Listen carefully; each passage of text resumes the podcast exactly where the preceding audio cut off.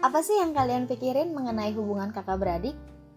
Yang pasti terlintas di pikiran kalian adalah hal yang umum ya, berantem, terus kata-kataan, terus cuek-cuekan, atau bisa jadi saling saling gak sapa, hmm, tapi sama aja sih dengan cuek-cuekan. Nah, lain hal dengan apa yang terjadi antara gue dan adik gue. Kayaknya gue rasa hmm, mungkin gue doang kali ya yang punya pengalaman seperti ini atau memang salah satu di antara kamu ada yang pernah punya pengalaman yang sama dengan aku atau bahkan lebih aneh gitu. Jadi gini ceritanya gue nih sama adik gue tuh beda 9 tahun. Lumayan lama lah ya. Otomatis pasti kalau misalnya beda 9 tahun berarti jatuhnya gue lebih dewasa dong. Dan di sini karena gue kelamaan 9 tahun karena gue maksudnya bukan karena kelamaan 9 tahun sih. Jadi karena gue terlalu lama dan terlalu nyaman dengan kesendirian gue selama 9 tahun. Gue tidak menerima dan gue tidak mau gue punya adik. Satu alasan. Waktu itu nyokap gue pernah nanya sama gue. Kak, katanya. Mau gak sih kamu punya adik? Dengan enteng dong gue jawab. Enggak ah, gak mau. Nanti papa sama mama udah gak sayang sama aku. Nanti aku minta apa-apa susah dibeliin. Bla bla bla, begitulah ya.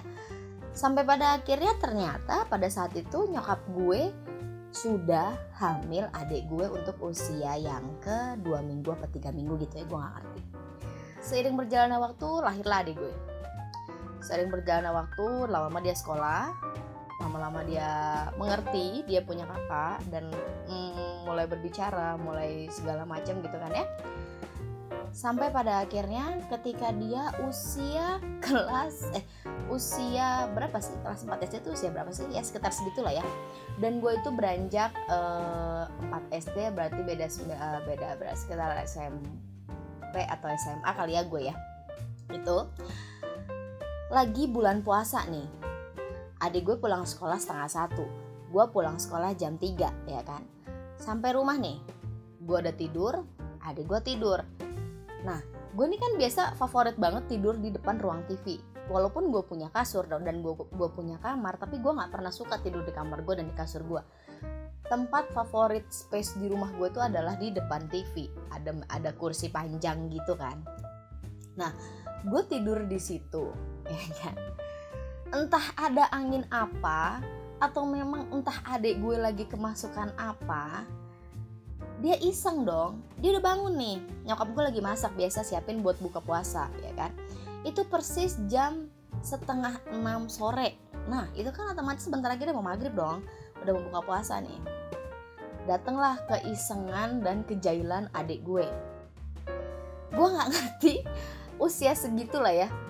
Tiba-tiba dia pasang petasan dong dia pasang petasan dan dia taruh di paha gue.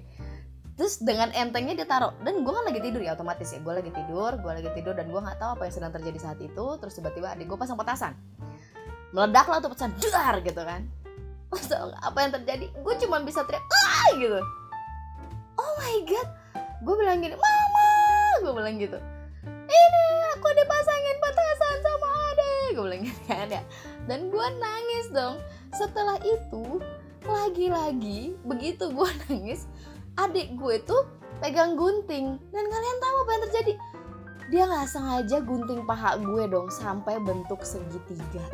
Oh my god itu gue udah nggak tahu lagi. Gue cuma bisa bilang gue nggak mau punya adik kayak dia. Aku marah sama adik aku bilang kayak gitu dan nyokap gue dari dapur teriak eh nyokap gue dari dapur lari dong ke ruang TV ada apa ini? katanya nyokap gue gitu ini mah lihat ada aku tuh sakit tau nggak masa aku dipasangin petasan?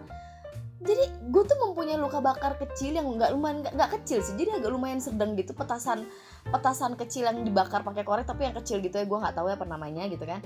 Terus dan adik gue tuh satu sih cuman kepikiran gak sih sama kalian? Bocah kelas 4 SD melakukan hal itu entah apa yang terjadi dengan dia entah mungkin emang dia gak ngerti apa-apa atau memang kesengajaan ya?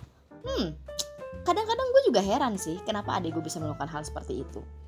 Menurut gue sih bukan suatu hal yang wajar ya. Bukan suatu hal yang wajar bukan suatu hal yang memang patut di apa ya, ibaratnya patut di maklumi sih. Enggak.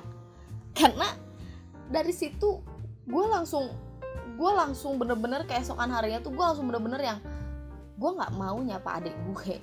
Gue marah dan gue ya sekedar gimana ya layak hubungan kakak dan adik yang gue nggak akan sapa dia gitu.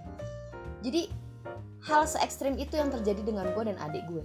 Bukan bukan lagi sebagai sebuah uh, pertengkaran atau bukan lagi sebagai percekcokan atau mungkin bukan juga se uh, sebuah hal yang memperebutkan sesuatu. Tapi ini adalah hal di mana buat gue nggak wajar di mana adik gue melakukan hal-hal yang nggak wajar di mana oke okay, mungkin dia nggak suka sama gue atau mungkin gue juga nggak suka sama dia atau mungkin emang dia nggak disengaja. Tapi ya buat gue sih ini hal nggak wajar. Setuju nggak sih kamu dengan aku? Ya begitulah cerita masa kecil aku yang memang buat gue um, agak sedikit aneh sih tapi seru sih buat gue sharing. Siapa tahu di luar sana kalian juga punya cerita yang sama-sama kayak gue. Apa pun ceritanya apa pun kenangannya selagi kalian masih bisa bercerita berceritalah. Bye bye